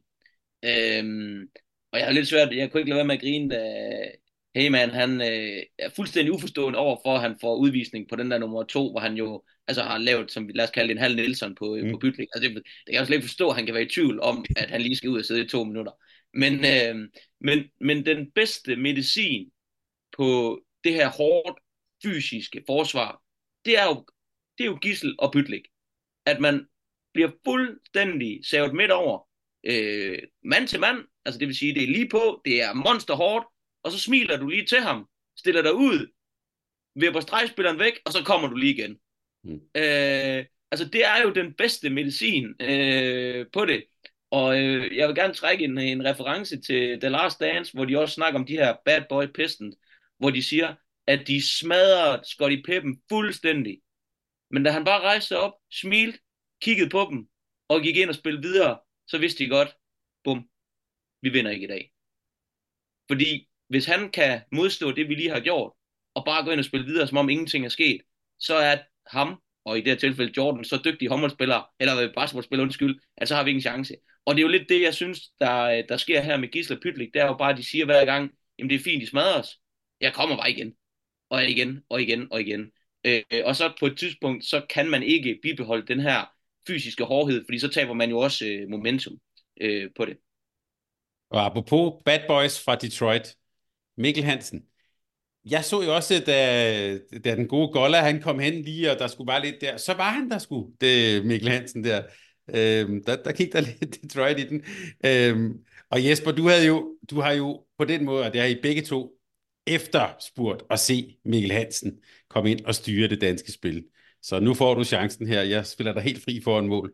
Hvad gjorde han for Danmark i den semifinal? Jamen sådan i første omgang, så, øh, så kommer øh, Mikkel jo i spil på baggrund af 7-6-angreb.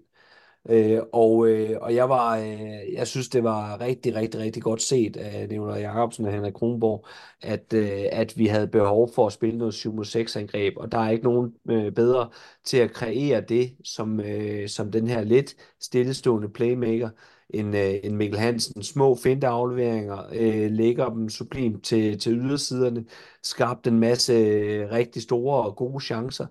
Og lige netop det, at det kom i spil på det tidspunkt, det tror jeg var med til at, øh, til at redde Danmarks øh, kamp. For hvis det var fortsat med at skulle være duel til tæsk, så tror jeg, at det sidste kvarter havde været fuldstændig modbydeligt øh, for det danske hold. Og det var lidt som om, at det gav, øh, det gav noget luft, det gav øh, nogle, øh, nogle ressourcer, og det gav lidt frustration i den tyske lejr, fordi at øh, er der noget, du ikke kan øh, på samme måde over for et øh, 7-6-angreb, øh, så er det bare smadre. Det, det, det kan du, hvis du går all in på en, jamen så bliver chancen så stor, hvis man evner at få sluppet bolden videre, fordi du er en mand i overtal. Øh, så det, øh, det afmonterede jo lidt den her enorme aggressivitet, der var i det tyske forsvar. Og det medførte også, synes jeg, efterfølgende, at de var blevet en lille smule punkteret på, på det her øh, virkelig gode, øh, meget hårde øh, forsvar, som de lagde for dagen. Fordi at da øh, Danmark så går væk fra 7 6 igen, hvilket jeg egentlig undrede mig en lille smule over, hvorfor det? Fordi det, det løser vi da rigtig godt, og de scorer ikke ned i tommål, de er ikke i nærheden af løb kontra. Vi kan sådan set skifte hele kæden ud som i ishockey, uden at de, øh, de, de søger, øh, søger den øh, chance. Så, så viste det sig jo sådan set, at de var blevet langt mindre aggressive, og, og også var blevet en lille smule fladere. Og så øh, kunne vi sagtens spille, spille 6 mod 6 spil. Og der synes jeg også netop, at, at Mikkel Hansen jo øh, spillede en fantastisk god håndboldkamp, og, og virkelig fik vist øh, sit værd, øh, hvordan han kan iscenesætte øh, de her to dygtige backs. Noget, noget af det, som, som, jeg, som jeg var virkelig imponeret af øh, i Danmarks 7-6-spil, det var det tempo, øh, som Danmark formår at spille med. Altså det her med, at man kunne øh, gå så dybt i banen, både på øh, Simon og på, øh, og på Gissel, og Mikkel egentlig kan holde flowet med så højt et tempo. Og det er jo faktisk lige præcis det, der gør, at Simon Hall, han to gange bare kan, kan få sådan en, en bold. Det er jo fordi, at at vedkommende, der har stået over på, øh, på, øh, på øh, to positionen, altså på, på bakken. Han har jo nærmest løbet rundt om Simon Hall, og skulle løbe ud på Simon øh, Pytlik, ud på ydersiden, og rundt om Simon Hall, og ud, ud på ydersiden. Og når du kan spille med så højt tempo, og du så har en af verdens dygtigste, eller måske verdens dygtigste assistspiller, stående inde i midten. Og det var det, man så, at han så to gange var nærmest øh, ploppet den stille og roligt ind til Simon Hall, som var fuldstændig øh, øh, spejlblank øh, derinde. Det var jo det her med, at, man, at vi fik tyskerne ud og arbejde sindssygt hårdt på fødderne. Øh, og det er jo det, du kan. Øh, og det er jo noget af det, man måske også skal have med, det er, at det er jo vanvittigt hårdt at dække 7 mod 6 forsvar, når man skal arbejde så. Altså, hvis du kan spille i så højt et tempo, som Danmark gjorde der, der er 7 mod 6, så er det vanvittigt hårdt at, øh, at dække øh, op mod 7 mod 6. Og når du så ikke bliver belønnet en gang imellem for at kan score ned i tomt mål eller et eller andet, jamen så suger det bare så meget energi ud af dit øh, hold. Og det var måske også det, der så gjorde, at de, manglede nogle, at de så lige pludselig manglede procenterne det sidste kvarter 6 mod 6, i stedet for Danmark manglede procenterne de sidste kvarter 6 mod 6, som Jesper var inde på. Fordi vi fik faktisk egentlig pumpet øh, deres forsvar, i stedet for at de kunne pumpe vores øh, duelspillere øh, i den der periode der. Men jeg synes virkelig, man skulle lægge mærke til, hvor i højt et tempo Danmark de spillede det her øh, 7 mod 6 øh, spil. Så oplevede jeg også det her med, at det, der gav allermest energi til, øh, til Tyskland og til, til Hallen, det var jo netop, når de øh, afværgede dueller fra Gissel og fra Pytlik, så var det jo som om, at der blev jublet mere, end der gjorde, øh, end, øh, hvis, hvis de havde scoret et mål. Så lige præcis den, den energi, der blev, øh, der blev øh, udfoldet eller udledt øh, af, af de gode taklinger, forsvandt jo også.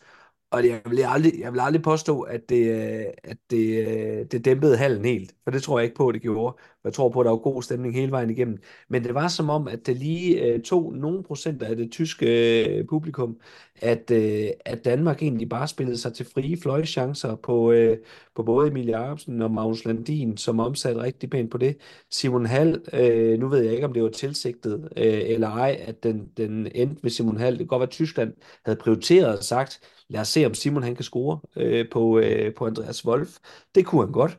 Øh, så, så, så også der, sådan, sådan jo sådan lidt, skal vi så lade Mikkel skyde ind i midten? Øh, Mikkel Hansen, der skyder vanvittigt godt derinde, for så måske at kunne løbe hurtigt med det. Det, det, det bliver bare meget, meget svært at prioritere lige pludselig. Øh, Gissel på ydersiden. Ellers så skulle det jo være øh, ud mod højrefløj til, øh, til Hans Lindberg, som jo ikke har haft øh, særlig mange fløjafslutninger i øh, hele slutrunden. Øh, eller øh, Niklas Kirkelykke, øh, hvis, hvis han øh, stod ud. Det var så primært Hans, der, der var for hjørnet. Ikke? Så det bliver bare vanvittigt svært at skulle, hvad er det, vi prioriterer her? Hvem er det, vi gerne vil have til at afslutte? Det blev måske Simon Halten, han scorede. Og så, ja, øv. Ja, altså, jeg, jeg, jeg, så det, og det er jo ikke sikkert, at jeg har ret. Og nu kan jeg ikke huske, om det var Steiner, der dækkede det. Dækkede ham. Jeg så klart, at Steiner, han, var ikke, han troede, han var i Tivoli i en eller anden karusel. Altså, han løb rundt om øh, altså Simon Hall og ud til Bytlik. Han lignede en... Altså, jeg kan ikke huske, om det er Steiner, så det skal Men så lad os sige, ham der dækkede der. Altså, han lignede en, der troede, han var i Tivoli. Øh, så jeg, jeg er sgu ikke sikker på, at det var fordi, de ville give Simon Hall, øh, Simon Hall øh, chancerne. Jeg, jeg er ret overbevist om, at han bare var fuldstændig spillet øh, vind og skæv øh, på den der øh, position. Det kommer, der er også der meget, du er rundt om. ja, der, der er forholdsvis meget også at skue op over, vil jeg sige. Ja, det var det. Øh, han... Men der var faktisk, der var en gang, det var Steinert, der, der jeg ved, han, han 20 startede allerede inden Simon han havde fået bolden. Simon Hall havde fået bolden. Det var, han, jeg tror egentlig, han tænkte, Fred, nu gider jeg ikke mere, nu løber jeg. Altså nu øh, jeg er færdig den der Claus nu løber jeg kontra. så kan altså, det nu... kraftedeme med være lige meget, så løber jeg i kontra. Ja, altså, det, det, så, det. Det, så, meget, det så meget sjovt ud, fordi det var, det var så, så, så vanvittigt tidligt, at han, han valgte at 20 starte lidt øh, på, på kontraspillet der. Øh, så det så nærmest, det så helt, helt underligt ud. Jeg tror ikke bare, det er lidt ligesom det der med, at det er der, man lige bliver sluppet ud af klausellen. Altså, det, han er lige røget ud af klausellen, og så røg han bare fremad i banen i stedet for. Sådan en god øh, uh, centrifugalkraft. Øhm, Jesper til, øh, fra, jeg havde da sagt fra en tidligere fløjspiller til en anden. Øhm, lad os lige sætte et på på de danske fløje. Vi har egentlig ikke talt så meget om dem her. Det er jo, kan jo også være så mange afslutninger, der har heller ikke været. Du nævnte øh, Hans Lindberg, så vidt jeg husker, øh, to brændte afslutninger. Kirkelykke fik jo faktisk noget fra hjørnet, også på et tidspunkt, da, da det galt. Og så, øh, da jeg genså kampen i dag, der, øh, det havde jeg ikke sådan helt lagt så meget mærke til. Jeg synes faktisk, at vores venstrefløje var jo, altså meget sikre, både Magnus Ladin og Emil Jacobsen, også på ret vigtige tidspunkter, altså i det tidspunkt, hvor vi begynder sådan virkelig at sætte os på dem i 7 mod 6, altså det er nogle sikre, gode afslutninger, de sætter ind bag, øh, bag Wolf. Øh, ja, sig lige lidt om de, om de danske fløje, og måske også, øh, hvordan de står øh, forud for finalen. Jamen, som du selv øh, pointerer, så jeg, jeg, jeg husker, at Kirkelykke har to øh, afslutninger for højre fløj, muligvis øh, tre, hvor han, øh, hvor han scorer, øh, han scorer to og brænder en, som jeg husker det. Og så har han en bilund ind over midten til sidst, sådan en Ja, det er rigtigt, parade, med parade der. show mm. og, og sådan noget. Øhm, og, og Hans har en, øh, en fløjeafslutning øh, over fra, øh, fra højrefløjen, så det efterlader jo en, en, en fire, fire chancer i, øh, i højrefløj, og det er jo væsentligt mere, end vi er vant til mm. øh, fra det danske, det danske landshold. Der, der går langt mere ud til, til venstrefløjen, end der gør til, til højrefløjene. Øh, og det kunne jo også godt være øh, have lidt at gøre med, at Tysklands forsvar måske øh, prioritere så sige, jamen hvis det er, at den skal ende et sted, så er det nok ikke helt dumt, den ender ude ved Niklas Kirkelø. Og så er det op til Andreas Wolf og, øh, og, øh, og lukke, øh, lukke den ned. Øh, så det, det tror jeg var en prioritering der på, på Hanses øh, afslutning, der var de spillede sønder sammen. Og, og han fik en, øh, en stor chance der, som han ikke øh, fik omsat på. Hans anden var egentlig en, øh, i min optik, fuldstændig genial overgang. Og Gissel, der jo har læst ham øh, hele vejen, nærmest holder den så øh, vanvittigt længe, at der nærmest er nøl på ham for lige at putte en bold ind til hans, fordi han ved, at han kommer i, i indløbet, som han jo så også, øh, også brænder. Det, altså, det er jo selvfølgelig, det er selvfølgelig to store afbrænder fra, øh, fra Hans Lindberg, der kunne være med til at afgøre øh, kampen øh, en lille smule tidligere. Øhm, men, øh, men, men venstrefløjene øh, synes jeg jo omsætter øh, på et enormt højt niveau. Øh, Emil Jacobsen, der, øh, der, der hopper jo først lander øh, 4-5 sekunder efter, øh, har jo en fantastisk mulighed for at få nogle vinkler, som, som de andre, øh, andre fløje måske ikke kan på samme øh, måde. Og, øh, og jeg synes jo, jeg synes jo virkelig, at han var, var skarp på sit, og så har vi Magnus Landin, der har halvanden kilometer lang arm, øh, som han kan bruge til at smække øh, den til langt hjørne, og hvis, hvis keeperne de træder, træder flere skridt med ud, jamen, så bliver der plads indenom, og her, som jeg husker det, var det to, to rigtig stærke afslutninger til langt hjørne øh, fra, fra Magnus Landin, og det viser jo, at, øh, at de er øh, lige præcis der, hvor, øh, hvor de skal være øh, på det, og det er jo dejligt, når øh, 80% af fløjeafslutningerne ender ude i venstrefløj. Jeg er også rigtig glad for at se, især, altså, især Magnus også bare var stensikker på hans øh, to afslutninger, fordi det er jo det, der kan det er jo det, der kan være med til at skabe usikkerheden i 6-0 eller i 7-6 angrebet. Det er jo, hvis man, hvis man ikke kan eksekvere for fløjene, så er det jo der, der det kan skabe en usikkerhed. Så det er jo, det synes jeg var vanvittigt fedt at se, øh, at øh, vi var så sikre, især for venstrefløjen. Og som min øh, kære svoger, øh, Ken Hansen, skrev på, øh, øh, på Twitter øh, undervejs der, altså han var meget, meget interesseret i, hvordan Emil Jacobsen kunne få sin frisyr til at sidde sådan, efter at have spillet en hel kamp, og den der fantastiske faldteknik, han også har. Der er blevet foreslået alle mulige forskellige vokstyper og sådan noget, så ja, men det er imponerende. Øh, til med det. Gode, gode gamle Dax Wax. Præcis, den røde, der, der var en, der skrev, ja. den røde, den røde Dax, det, det kan kun ja, være den. den kunne sidde i flere uger. Den var fantastisk. Godt, det glæder vi os til at se også i, øh, i finalen. Og lad os øh, her til sidst, lad os hoppe hop til den. Øhm, vi kan bare konstatere, som du også skrev, Rasmus, det var da godt, at Lieglein han ikke skulle spille lidt mere, for han kom derind og gjorde noget til sidst mod, øh, mod Danmark. Men øh, nu skal vi se frem til øh, finalen mellem Danmark og Frankrig. Det er jo de olympiske mestre, som møder verdensmestrene i en kamp om Europamesterskabet, og så foregår det ovenkøbet i håndboldens mekka i Køln. Det er derudover den sidste, eller ja, måske næst sidste store finale mellem Mikkel Hansen og Nikola Karabatic. Jeg tænker, de her, det lyder sgu meget godt for en søndag i januar. Øh, så Rasmus, sådan helt overordnet, de to hold, Danmark og Frankrig, kender hinanden rigtig godt, har spillet med hinanden rigtig mange gange. Hvordan passer de to hold til hinanden? Jamen, for det første, så bliver det jo, så bliver det jo en, en mega fed håndboldkamp. Det er jeg slet ikke i tvivl om. Altså, det er, jo, det er jo to hold, som du siger, der kender hinanden rigtig godt. Øh, der er nok ikke, øh, der er nok ikke vanvittigt mange ting, de kan skrue på i den taktiske bog. Og man kan sige, at Nikolaj, han har i hvert fald vist det ene kort, øh, som jeg tror måske, han havde godt kunne tænke sig at have gemt øh, til en eventuelt øh, finale, altså det her 7 6. Øh, jeg vil så dog sige, det kan være relativt svært at forberede sig på den, den øh, relativt lille mængde data, der, der trods alt øh, er, fordi man ikke, at der er et, øh, et, et par varianter, vi ikke har fået lov til at se i, øh, endnu i, i, øh, i den der 7 6 bog. Øh, men ellers så synes jeg jo, det er to hold, der, der passer hinanden rigtig godt. Det er øh, det danske spil, som jo generelt måske er lidt hurtigere på, øh, på spil på buen, øh, hvor det franske spil er lidt tungere på buen. Øh, og jeg skal måske lige prøve at forklare, hvad jeg mener med det, men at vi jo som generelt gerne vil spille de her dueller lidt mere hurtigt og eksplosivt, øh, hvor franskmændene de spiller de her dueller lidt mere tungt og eksplosivt øh, med de spillere, øh, som, som de har.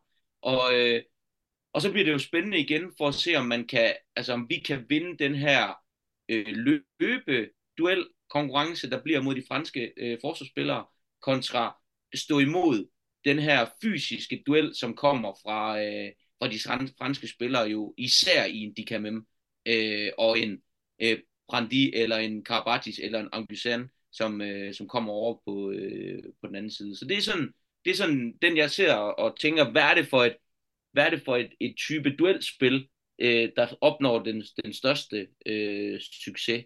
Og så ved jeg ikke, om vi lige skal vente lidt med, hvad, der, hvad jeg tror, der bliver afgørende, men, men det er i hvert fald sådan, som jeg kommer, jeg kommer til at holde lidt øje med i kampen.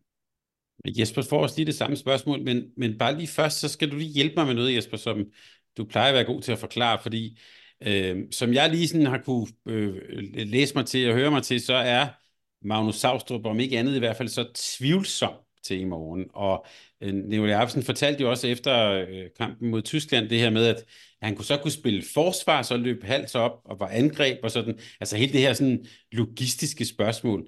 Hvis vi nu for eksempel går ud fra, at Savstrup øh, i godsøjne kun kan dække op, hvad, hvad gør det så for, for det danske spil? Ja, det er noget bras.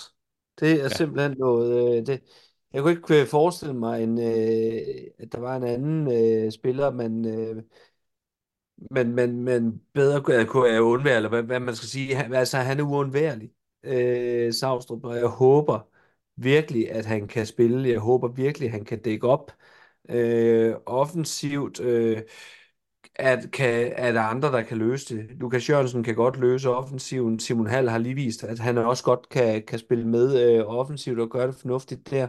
Men, men øh, rent defensivt, hvis, hvis Savstrup ikke øh, er kampdygtig øh, til defensiven, så er det noget rigtig bras, fordi han er øh, for mig at se den, den vigtigste forsvarsspiller, vi har, øh, og, og tager imod alle de her dueller. Han er jo en, der om nogen kan tage imod øh, de her franske spillere med øh, stor fysik. Og skulle det vise sig, at, øh, at, at Savstrup ikke øh, kan, øh, kan, kan dække op, så skal vi til at dække med en helt ny konstellation, fordi der er ikke andre, der har løst den her højre træ øh, position. Og jeg har lidt svært ved at se, hvem det lige præcis er, der skal løse den. Øh, fordi at øh, alle dem, der ellers øh, står der, dækker primært venstre tre. Øh, Simon Hall øh, dækker oftest øh, venstre tre øh, og øh, Henrik Mølgaard dækker venstre træ, øh, og øh, Lukas Jørgensen i øh, Flensborg dækker venstre 3. Så, så det, det, er, det, det vil blive en helt ny, øh, helt ny case. Så for mig at se, så vil det nok være, være Simon Hall, der skulle ind og, og løse, øh, løse den øh, rolle som, øh, som højre træ forsvar, øh, hvis Magnus Saustrup ikke er med. Hvis Magnus Saustrup kan dække op, så betyder det jo så, at, øh, at vi formentlig nok skal dække med to øh, stregspillere. Øh, og så, øh, så bliver det nok ikke Mølgaard, der, øh, der er så meget i, i spil, øh, hvis Savstrup skal løbe direkte, direkte ud og ikke må, må løbe mere op i angrebet. Så jeg håber virkelig, at Anne Greve, hun kan trylle øh, hen over mm. øh, natten her, og vi har en Magnus Savstrup i, øh, i nogenlunde vi gør, øh, så han kan være med i hvert fald defensivt, men forhåbentlig også, øh, også løse nogle offensive minutter men jeg tvivler, og jeg er noget bekymret øh, for, øh, for, for hele kampen, alene på baggrund af det. Også fordi der er forskel på, når de franske spillere de kommer bullerne ind øh, i Magnus Saustrup, øh, i forhold til en Juri Knorr, som måske mere glider af. Der, der er slet ikke nogen tvivl om, at vi kan løse, øh, vi kan løse tingene offensivt øh, lidt bedre, især når vi spiller rigtig meget minusspil til duel. Øh, så, så kan vi bedre løse nogle af de ting, der er der selvfølgelig noget timing og rytme i nogle af de her ekstra varianter, som man har med lige at falde ind under som stregspiller, altså lade som om man rykker væk, når de så tager højde, så falder tilbage. Der vil helt sikkert være noget der, som ikke sidder måske lige så meget i skabet med, med Hal eller, øh, eller Lukas, øh, som den gør med, med Savstrup. Øh, jeg er helt sikker på, at Savstrup han spiller i morgen. Altså 100 procent. Jeg er også helt sikker på, at Savstrup ikke er 100% i morgen. Men jeg er helt sikker på, at han spiller. Og øh, leverer øh, Savstrup ting.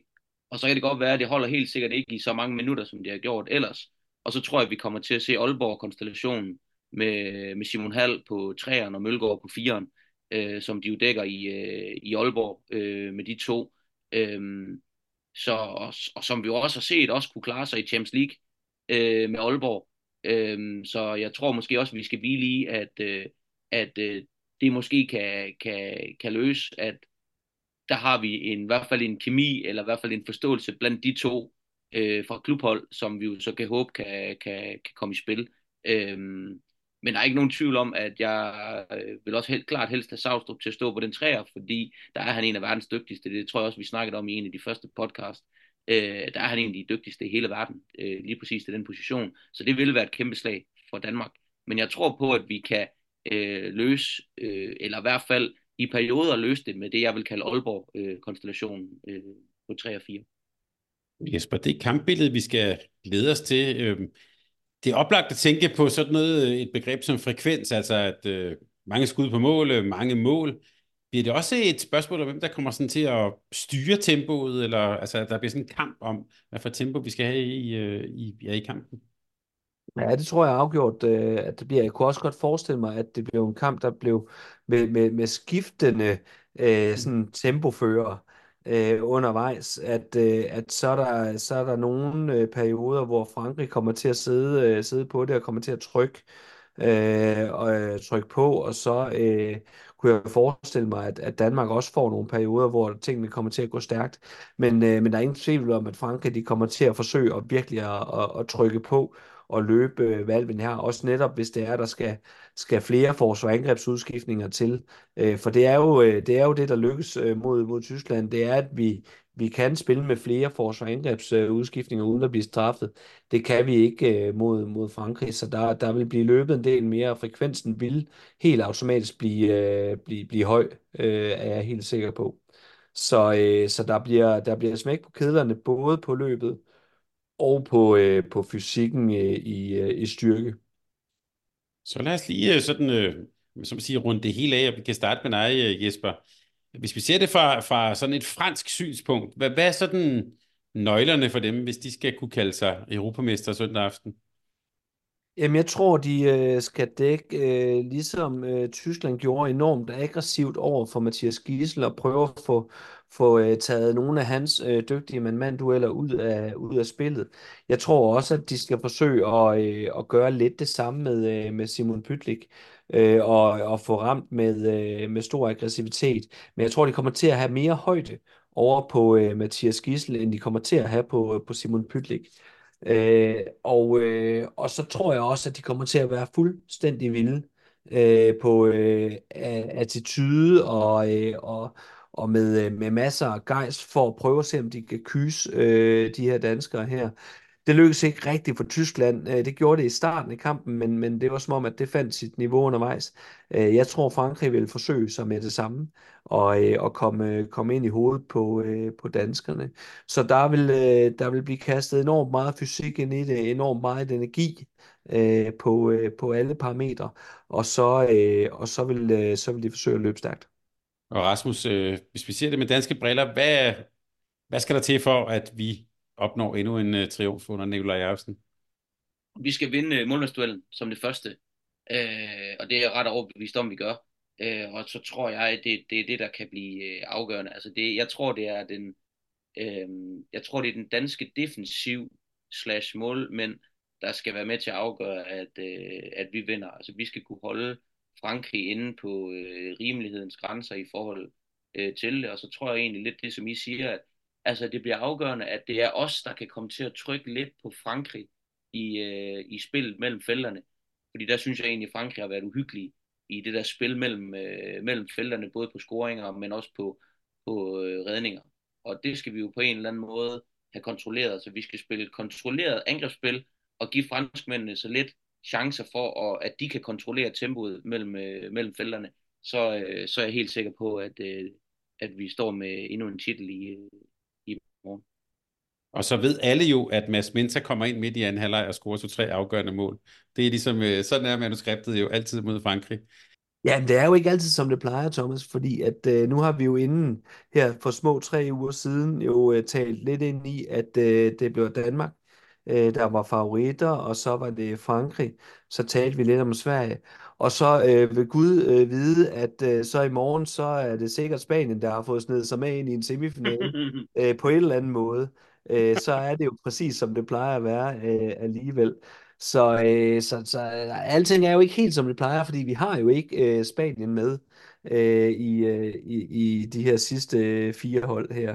Så, Jamen vi, Jesper, det har vi jo, for det er jo spanske dommere. Det har du fuldstændig overset. Spanien er med. Så er de jo øh, fint Så du har de har fuldstændig ret. De har fået snedet sig ind, fuldstændig, som du siger, Fred. De har fået så, sig ind. Så håber jeg, at, øh, at de måske øh, ligger en lidt anden linje, end, øh, end Bojan Lara og David Sock, øh, de, øh, de gjorde i, i kampen i går. Øh, det, det kunne de godt hjælpe os en lille smule med øh, der. Så, øh, så nej, men øh, det ville da være fantastisk, hvis Mads Mensa han kommer ind og tager nogle af de her øh, powerskud, og så afgør han hele lortet, om end han næsten ikke har spillet den her slutrunde. Bare lige en sidekommentar, som måske også... Er vi ikke også enige om, øh, det er lidt et, et spørgsmål, hvor jeg egentlig måske selv har svaret, men er vi ikke også enige om, at øh, bronzekampen bliver jo ekstra spændende også, fordi de spiller jo om en direkte OL-plads. Sverige og Tyskland, fordi både Danmark og Frankrig jo er kvalificeret øh, til OL, mm. øh, så får de vel egentlig den direkte plads. Det vil sige, nu er det jo ikke bare en bronzemedalje, man spiller om foran 20.000. Nu er det faktisk også en direkte øh, OL-billet, øh, som man, man spiller om i, øh, i den kamp. Der. Bare lige for, at, at man kan godt lige varme op med en, øh, en rigtig lækker øh, klassiker der inden øh, Danmark-Frankrig. Øh, så tænker jeg egentlig, der kommer en kamp der, der, der, der også bliver rigtig spændende. Og det bliver spændende at se, om svenskerne de kan... Øh, fokusere på, at de rent faktisk spiller om en direkte øh, OL-plads øh, i, i morgen også. Det var lige en, en, en lille... Jamen, super god pointe. Man kunne måske også sige, øh, med tyske briller, de får aldrig en bedre chance end foran det der publikum, og altså, så det er jo en gylden mulighed, de får. Øh, godt set.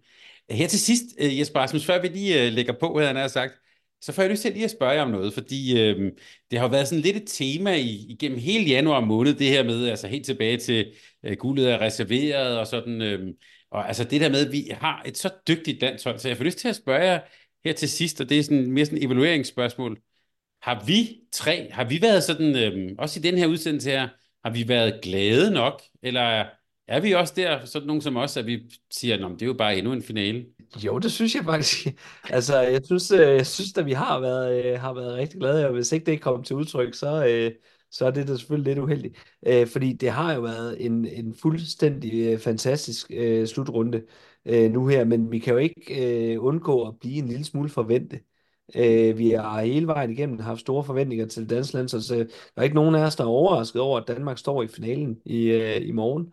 Øh, og der er jo desværre heller ikke nogen, der er overrasket over, at det er mod Frankrig i morgen. Det har vi jo, det er jo ligesom aftalt fra starten af. Øh, og øh, så, så, så, så, så bliver jeg mere sådan forventningsfulde øh, mm. til, at den her øh, historisk øh, fede øh, slutrunde bliver afsluttet med, med maner. Så jeg glæder mig jo helt sindssygt til at skulle se håndbold i morgen. Og der, øh, uanset hvor, hvor meget jeg elsker min øh, svigerfamilie og, og mine venner rundt omkring og sådan noget, så, så er det en, jeg skal se selv øh, den her, der, ja, det, det, det, det bliver jeg nødt til at, øh, fordi at nyde den øh, på, min, på min helt egen måde. For jeg tror, det bliver, øh, jeg tror, det jo bliver, bliver en, en, en super fed finale, og historisk med, med så mange øh, tilskuere på lægterne, som jo giver den fuld gas. Så, øh, så det, bliver jo, det bliver jo vanvittigt fedt, øh, og, øh, og, og jeg har da været glad. Øh, det, det er der ikke nogen tvivl om. Den skal jeg lige have igen. Altså, du skal se den alene. Ja, altså sammen med min hustru. Mm. Øh, men, øh, men jeg er ikke, jeg er ikke sådan vanvittig god til det der med at se større forsamlinger og sådan noget. Øh, det, der vil jeg hellere øh, til, til de her kampe øh, øh, nyde det selv med, øh, med, min, øh, med min kære hustru. Øh, og så sidder vi og snakker lidt øh, undervejs, og så kan jeg også få lov til at skære mig lidt tosset, hvis der er et eller andet, jeg, øh, jeg skal reagere på af den ene eller anden art. Øh, det, det gør jeg ikke så meget i, i, øh, i større forsamlinger. Øh, jeg er jo jyde. Nå, men altså, øh, jeg, jeg, jeg vil jo sige det der med, at det er jo vigtigt for mig at, at sige, at vi må aldrig blive for forventet. Altså, men, men, men det er jo fordi, at vi er pisse dygtige. Altså, Danmark er pisse dygtig, og det skal vi jo nyde. men vi må aldrig blive forventet, fordi du kommer jo ikke bare i en EM-finale. Det gør du via hårdt arbejde, og fordi vi er pisse dygtige. Så jeg vil jo gerne, altså jeg, jeg, øh, jeg håber da, at vi har også har givet en udtryk for, at vi er, altså at det ikke har været nemt for Danmark at komme i den her øh, EM-finale, øh, men at vi jo også synes, de er berettiget til at komme i en EM-finale. Og så er jeg egentlig bare monster glad øh, for, at vi er der, øh, og pisse stolt over, at vi har så mange dygtige håndboldspillere i, øh, i, øh, i Danmark, at vi nu kan stå i en EM-finale og er tredobbelt øh, verdensmester, øh, og som du selv siger, møder øh, de forsvarende olympiske mester. Altså, det, det, det bliver jo bare øh, kreds. Øh, så har jeg to kommentarer. Det eneste, det var, at øh, vi har selvfølgelig snakket om, altså jeg føler mig jo virkelig snydt, fordi jeg havde jo Sverige i øh, finalen mod Danmark. Og det var de jo også mm. i finalen mod Danmark, indtil at der var nogen øh, dommer, der mente, at øh, der var noget andet.